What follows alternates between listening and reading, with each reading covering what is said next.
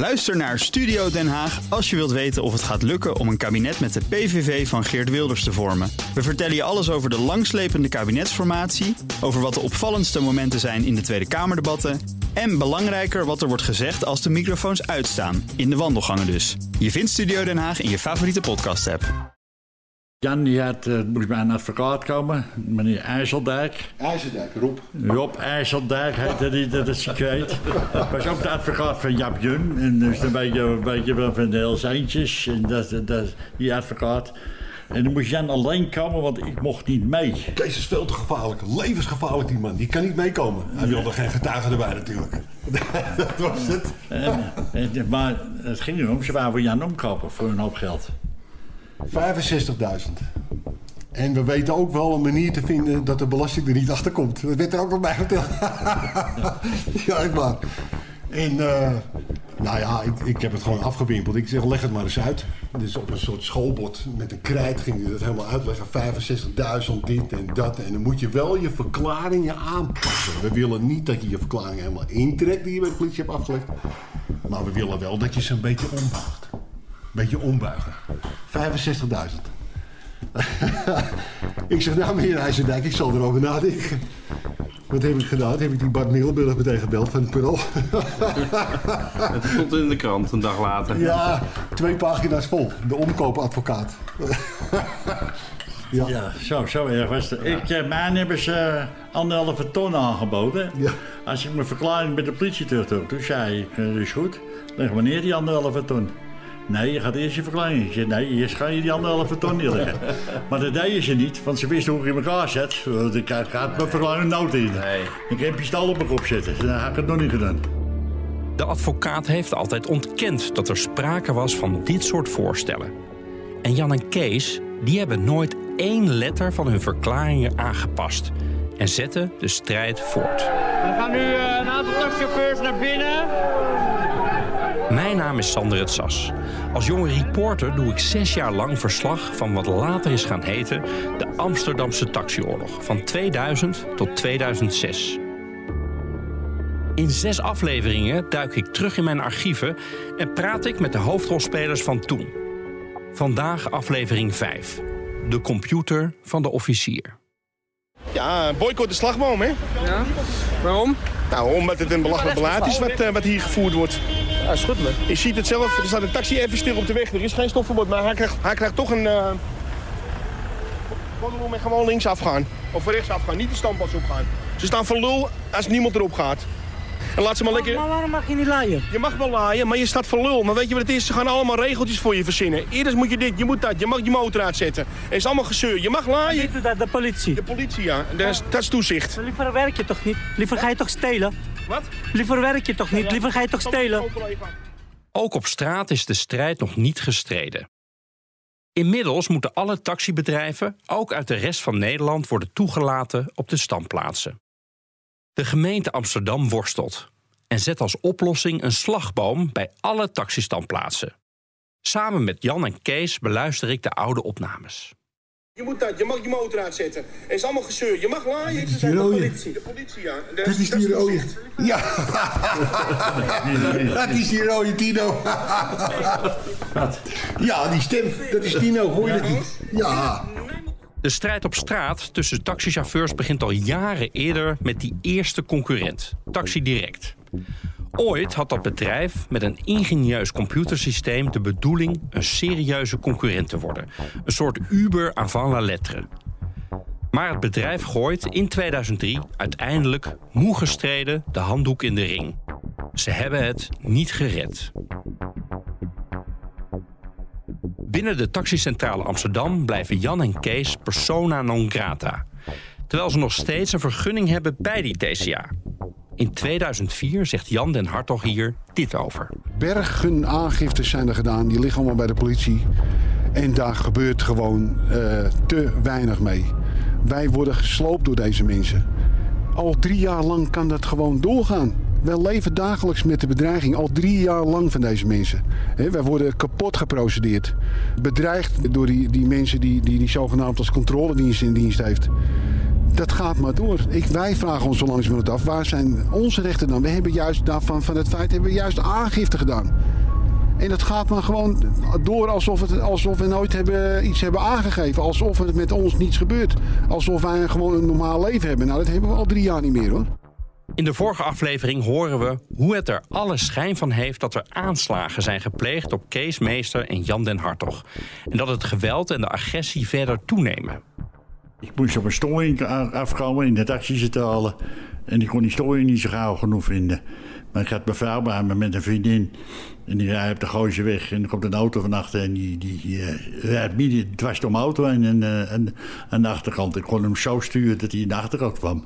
Maar we hadden gelukkig het kenteken. Meteen naar de politie gegaan. De politie meteen van het kenteken naar het huis gegaan. Er stond die auto, nog warm. De verf op de auto. Die gozer is gearresteerd. Al eerder hoorden we misdaadjournalisten John van de Heuvel en Paul Vugts vertellen dat er een verband is tussen bestuursleden en directie van de taxicentrale Amsterdam en de onderwereld. Met name de naam van John Mierenmet wordt hierin genoemd. Dat is in die tijd een van de grootste criminelen van Nederland. Paul Vugts. Zij werden vooral ook in dat onderzoek gezien als verlengstuk van John Mierenmet, een hele zware crimineel, die inmiddels is geliquideerd in 2005 in Thailand. Uh, en, uh, hoe, ja. hoe, serieus waren die, uh, die Nou, er waren, zij werden ervan verdacht dat zij uh, witwasten voor John Mierenmet. En Mierenmet heeft later in de Telegraaf zelf wel gezegd dat die taxicentrale van hem was. John van den Heuvel. En toen kwam op enig moment kwam ook het verhaal over die TCA. En die opmerking is me altijd wel bijgebleven. Want hij legde dat gewoon heel klip en klaar uit. ja, de TCA, dat is eigenlijk van mij. En niet alleen Mierenmet zelf zegt dit tegen Van den Heuvel. Ook Jan krijgt te maken met handlangers van Mierenmet. Het is 20 februari 2003. Jan vertelt me dat hij onderweg is naar Café du Saar... in de Amsterdamse Pijp... waar dagelijks veel taxichauffeurs een hapje komen eten. Hij heeft ernstige vertraging opgelopen, wat als chauffeur niet ongebruikelijk is... en krijgt ineens een aantal telefoontjes van een andere taxichauffeur... of hij nog wel even langskomt. En dat is wel erg ongebruikelijk. Ik begreep niet waarom die telefoontjes waren. Ik zeg, ja natuurlijk, ik ga eten daar. En, uh, ja, oké. Okay. Vier, vijf keer, hè. Kom in het koffiehuis. Zit aan de soep. Zit er een gozer tegenover me. Die zegt, uh, jij bent uh, Jan de Hartog, hè? Ik zeg, ja. Hij zegt, nou, ik ben een luitenant van John Mierenmet. En die heeft mij hier naartoe gestuurd om ervoor te zorgen, ik moet ervoor zorgen dat jij je anders gaat gedragen in het bestuur van de TCA. Ik zeg, oh. Ik zeg, weet je wat jij moet doen? Je moet je baas bellen en maak maar een afspraak met hem. Dan kom ik wel naar hem toe. Want ik ben niet bang voor hem hoor. Die krijgt jij nooit te spreken en uh, weet je wel. Dat, hij denkt, wat moet ik hiermee aan? En uh, ik bleef gewoon onaangedaan. En hij staat op een gegeven moment op. Haalt kunstgebied uit zijn mond. Onder en boven. is nog een jonge gozer. Ik denk, nou, die heeft een hoop pech gehad in zijn leven. Weet je wel. maar hij werd helemaal gek. Hij wist niet wat hij moest doen. Want meestal als mensen dat zeggen, dan scheidt iedereen in zijn broek. En die chauffeurs zaten allemaal heel diep in een kop koffie te roeren. Weet je. Die waren allemaal bang. Ik niet. Dus nou, hij rende op een gegeven moment weg. Hij wist niet meer wat hij moest doen. Nee. Ik denk, nou, dat was vechten. Nou, dat deed hij niet. En toen hoorde ik later van de eigenaar van het koffiehuis... dat hij daar al drie uur zat te wachten... en dat hij 500 euro in die gokkas had gegooid al. En dat is de connectie met die vier, vijf telefoontjes. Die je van tevoren had gekregen. Terwijl, uh... ga je nog wel naar het koffiehuis? Ja. ja. Was dit nou echt een loopjongen van Mierenmet? Er zijn veel getuigen die het verhaal van Jan bevestigen. Het is helemaal niet onvoorstelbaar meer, gek genoeg, uh, dat hij in naam van John Mierenmet wordt uh, aangesproken. En uh, met de bedoeling natuurlijk intimideren, bedreigen. Nee, want hè, ik bedoel, nu misschien twintig jaar later denk je van... Ja, maar is dit wel waar? Ja, ja, oké. Okay. Als je van niks weet en je zou nu deze twee mannen hun verhaal horen doen... zou je denken, nou, er zit een steekje los. Maar alles wat zij hebben meegemaakt is, het is zo uh, een complex van bizarre elementen dat, dat, dat niets ondenkbaar was nee. in die tijd. De politie onderzoekt het voorval, praat met de eigenaar van het café en met bezoekers. Maar met één man praat de politie niet. Hoe bizar het ook klinkt, Jan zelf wordt niet ondervraagd. Later hoorde ik van Kees dat de politie in het koffiehuis is geweest. Naar aanleiding daarvan. ik, ik, ik wist het. Ik hoor, ik zeg, wat zeg jij nou Kees? Ja, ze zijn in het koffiehuis geweest. Ze hebben met, eh, met de koffiehuisbaas gesproken. Hij heeft daar drie uur gezeten. Voordat jij kwam. En dat hebben ze allemaal nagevraagd. Maar met mij geen woord. Hoe kan dit? Hoe kan dit? Het is gewoon een keiharde afspraken om geen aangiftes aan te nemen tegen deze criminelen. Dus, dus even voor mijn duidelijkheid. eh, eh, jij vertelt dit. eh, er wordt onderzoek gedaan, maar degene die... Ik wist niet eens dat ze Nee. daar zijn onderzoek komen doen in het Nee. koffiehuis. En met mij hebben ze nooit een woord erover gesproken. Terwijl het jou is overkomen. Terwijl het- ik ben degene die bedreigd werd. Met Jan aangifte, Jan ik heb ook verteld van Jan was Jan het meegemaakt. En er zou allemaal rekening mee worden gehouden. En eh, ze zouden weer contact met Jan opnemen om dat op te nemen. En ze hebben het nooit gedaan. En dan kun je twee, drie keer vragen aan die politieagenten. Ze deden het gewoon niet. Kees denkt nog vaak terug aan het moment van de aanslag. Het wordt hem allemaal te veel. Hoe heldhaftig hij zich toen ook gedroeg en hoe stoer het ook lijkt, het is hem allemaal niet in de koude kleren gaan zitten. Niet alleen hij, ook de politie vreest voor zijn leven. Kees, jij, jij bent er op een gegeven moment mee gestopt met het taxiwerk. Noodgedwongen eigenlijk, hè? Dat werd je ook eigenlijk geadviseerd. Ja, dat klopt. Ik eh, kwam op een gegeven moment eh, ook weer op het politiebureau, ook weer bij die Robijns en die was er niet. En er was een van zijn andere politieagenten die er waren. En er kwam er één politieagent naar me toe. En die heeft me even pad genomen. En die heeft tegen me gezegd, Kees, het is beter dat jij even voor de taxi hebt gehad. Want het gaat helemaal niet goed daar. Je, je kan gevolgd worden, alles. En hij zegt, dat moet je echt even doen. Ik zeg, ja, maar wat moet ik dan gaan doen? Nou, hebben we dat doorgenomen. Maar ik had toevallig alle papieren van de toerica, vrachtwagenchauffeur. Hij, toen zegt hij tegen me, je gaat ergens solliciteren. En dan geef je mijn politienummer. Geef je aan het bedrijf waar je gaat solliciteren. Hij zegt, dan heb je verder niks nodig. Dan word je zo aangenomen. Zo gezegd, zo gedaan. En inderdaad, ik kwam dus bij Bovo terecht. Het bedrijf is inmiddels failliet. kwam ik eh, terecht. En die hebben die eh, eh, politieagent gebeld. En de volgende dag reed ik op een bus. Ja. Toen was ik niet meer te volgen voor dit schoolrum. En dat was zijn reden. Maar, maar ze ma- maakten zich zorgen over jouw veiligheid dan? Ja, heel erg. En dat, dat bleek ook wel, want daarvoor werd ik ook iedere avond... kwam ik twee uur Lelystad binnen, want daar woon ik. En dan werd ik ge- gevolgd door de politie naar mijn huis. Of ik kwam thuis en er stond de politie op het erf. Of ik kwam op de Kusterdreef, dat is een dreef vol mijn huis. En er stond er een de politie. En dat viel mij op dat iedere keer, want ik werkte zeven dagen in de week... en er stonden regelmatig van dat soort jongens voor de deur. Dat mijn buur ook al eh, gezien. Ja? Maar ik zei nooit wat tegen mijn vrouw. Ja, dat is voor de buur, vind u op. eh woont ook nog wel een eh, stukje crimineel of zo, zei ik dan. Je wilde je vrouw ook niet Nee, ongerust maken. mijn vrouw heb ik nooit willen belasten ermee. Jan en Kees praten met de politie, maar krijgen steeds meer twijfels over de integriteit van de agenten. In hoeverre zijn zij te vertrouwen, vragen ze zich af. TCA-directeur Dick Grijpink is namelijk als oud politieman geen onbekende en kent nog steeds het halve bureau. Ook wordt in het zogeheten marionetonderzoek een 50-jarige hoofdagent van de verkeerspolitie geschorst.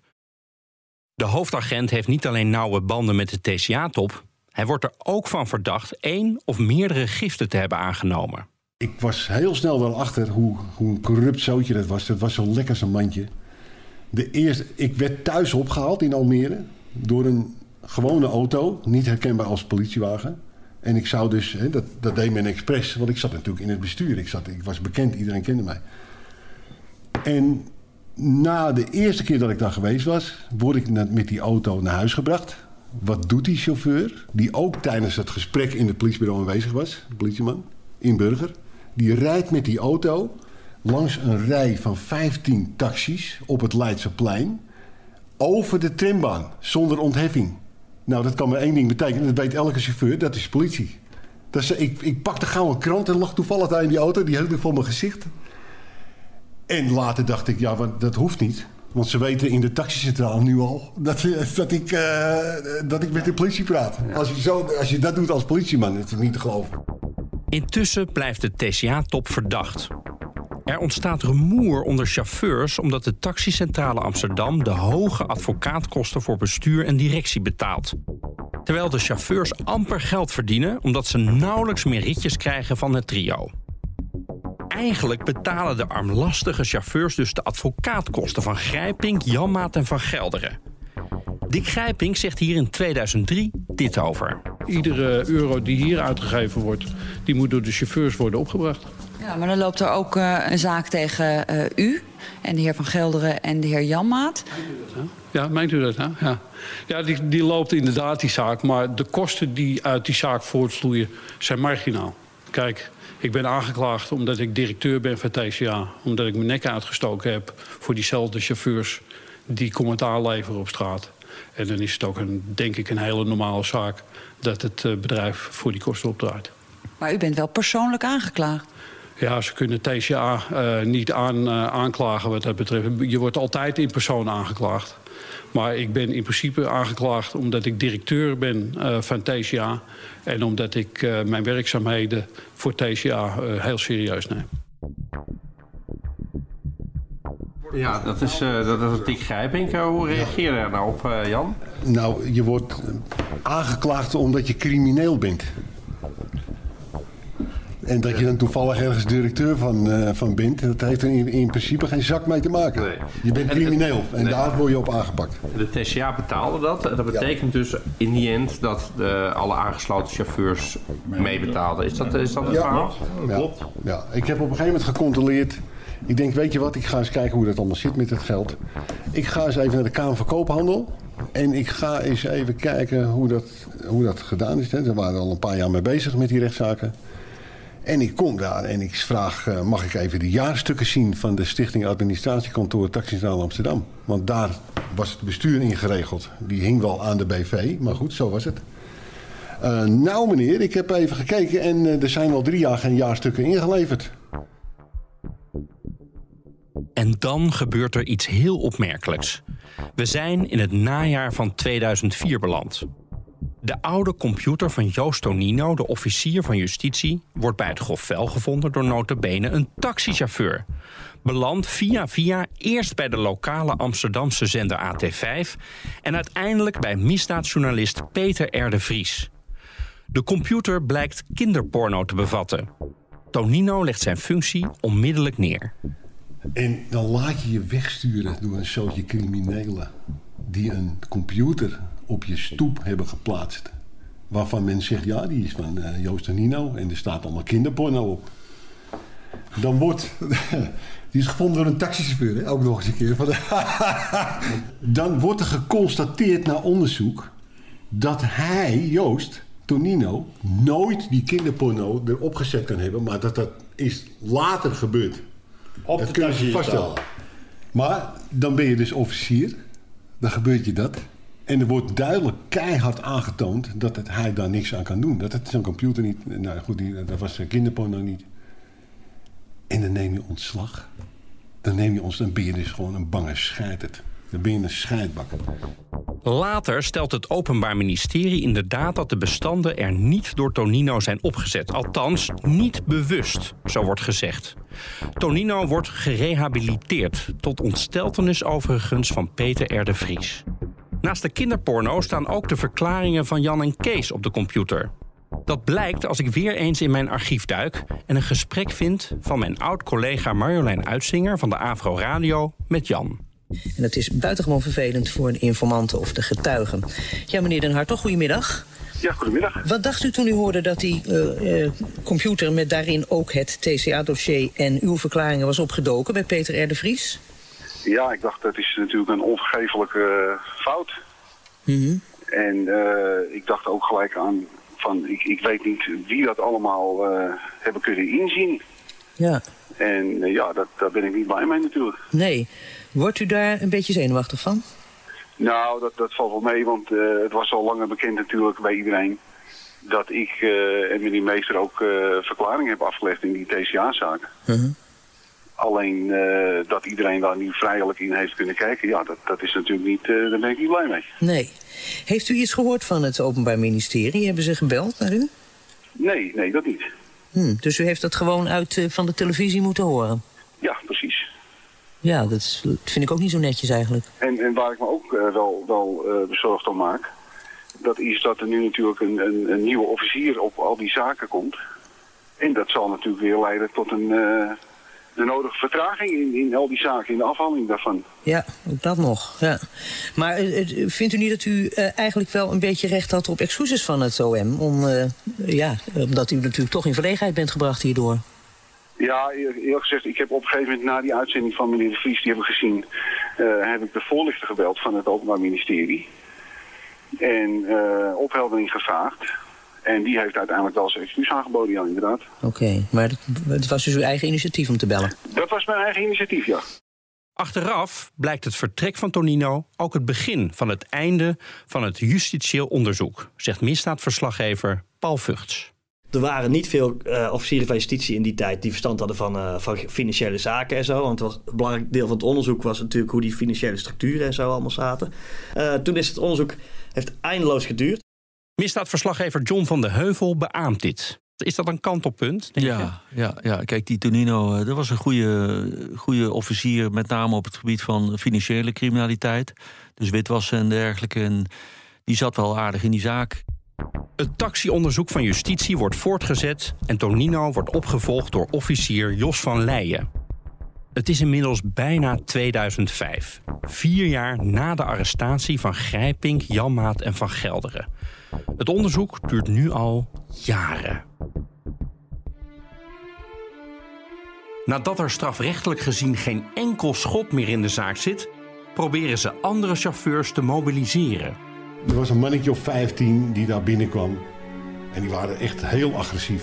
En die kwamen daar dus met de opzet om die vergadering ernstig te verstoren. En ook om die advocaten te bedreigen. Als alles verloren lijkt, doen Jan en Kees nog een ultieme poging om het trio te verslaan. De ondernemingskamer verstaat dat uit het verslag van het onderzoek in deze zaak is gebleken van wanbeleid van de besloten vennootschap met beperkte aansprakelijkheid Taxicentrale Amsterdam BV, gevestigd te Amsterdam, ontslaat met onmiddellijke ingang Hendrikus Jozef Grijping als bestuurder van Taxicentrale Amsterdam BV. Maar of de overwinning echt zoden aan de dijk zet, dat hoor je in de laatste aflevering van De Taxioorlog.